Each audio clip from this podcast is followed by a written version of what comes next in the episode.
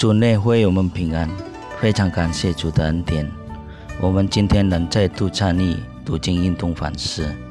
读经运动反思之前，请阅读本日读经运动的经文和请阅读本日读经运动的短诗。亲爱弟兄姐妹们，主内平安，每日灵修，每日蒙恩，让每一天来到上帝面前，领受上帝话语的祝福。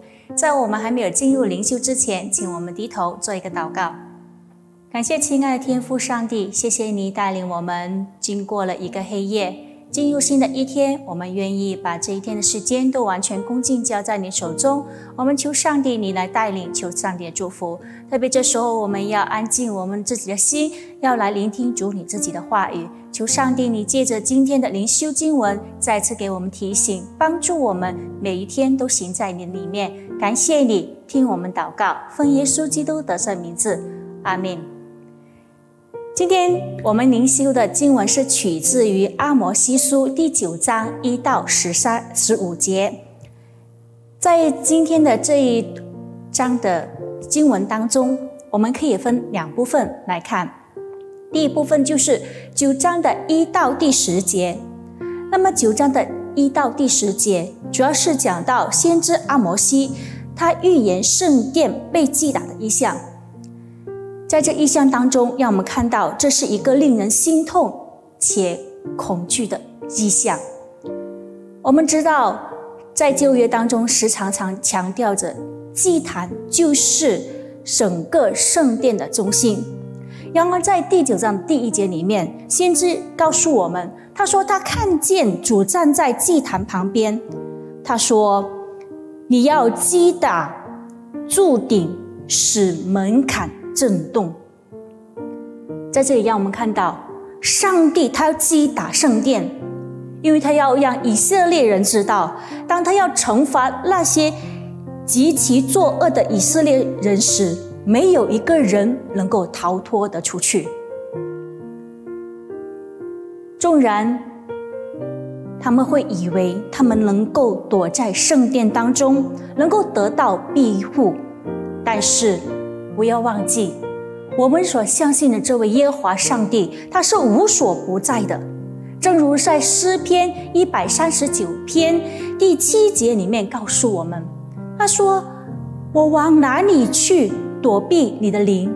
我往哪里去逃躲避你的面？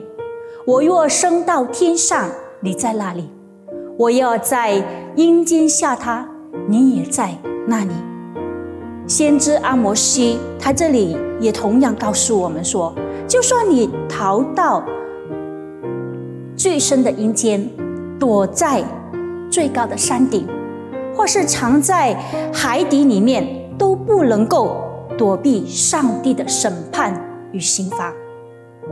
然而，在九到九章的十一到十五节里面，进入在第二部分的时候。却让我们看到了完全不一样的现象。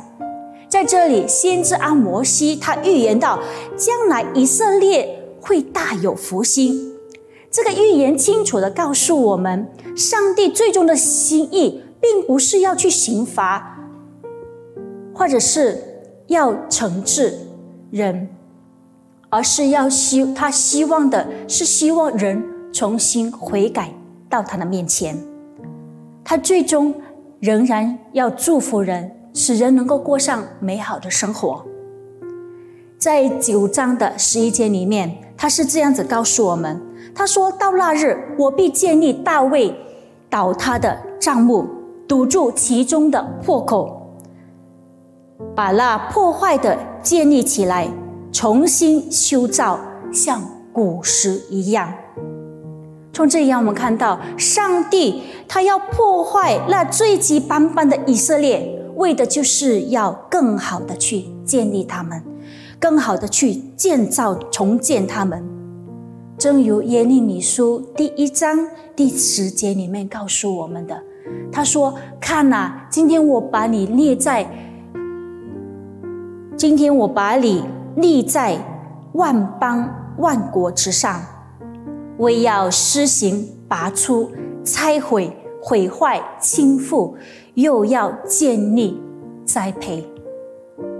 从今天的经文里面，让我们看到，上帝是全能的上帝，他是无所不在、无所不知、无所不能的。他绝不以有罪的为无罪，同样的，他也不会以无罪的为有罪。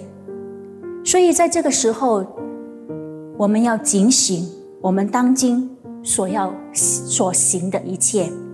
同时，上帝也是慈爱的，那愿意悔改和回转到他面前的人，上帝必然会赐福，并使他享受美好的生活。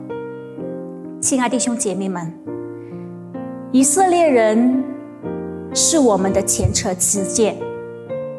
那么，我们今天是否能够从他们的失败当中吸取了？教训呢？我们是否愿意以祷告和敬虔的生活来堵住我们生命当中的破口呢？好，下面请我们低头再做一个祷告。主啊，求你用你的灵来激动我们每一个人的心，让我们献上自己为祭。主啊，让我们都能够降服在你的面前，让你能够建造我们的生命，让我们能够一起能够起来。能够堵住我们生命当中的一切的破口，使我们能够再次在你的面前能够站立得稳，使我们能够为这基督的缘故建立了荣耀的国度。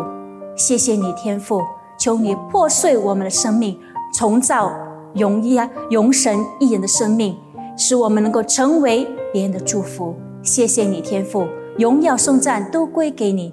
听我们祷告，奉耶稣基督得胜的名字，阿门。上帝祝福我们每一位。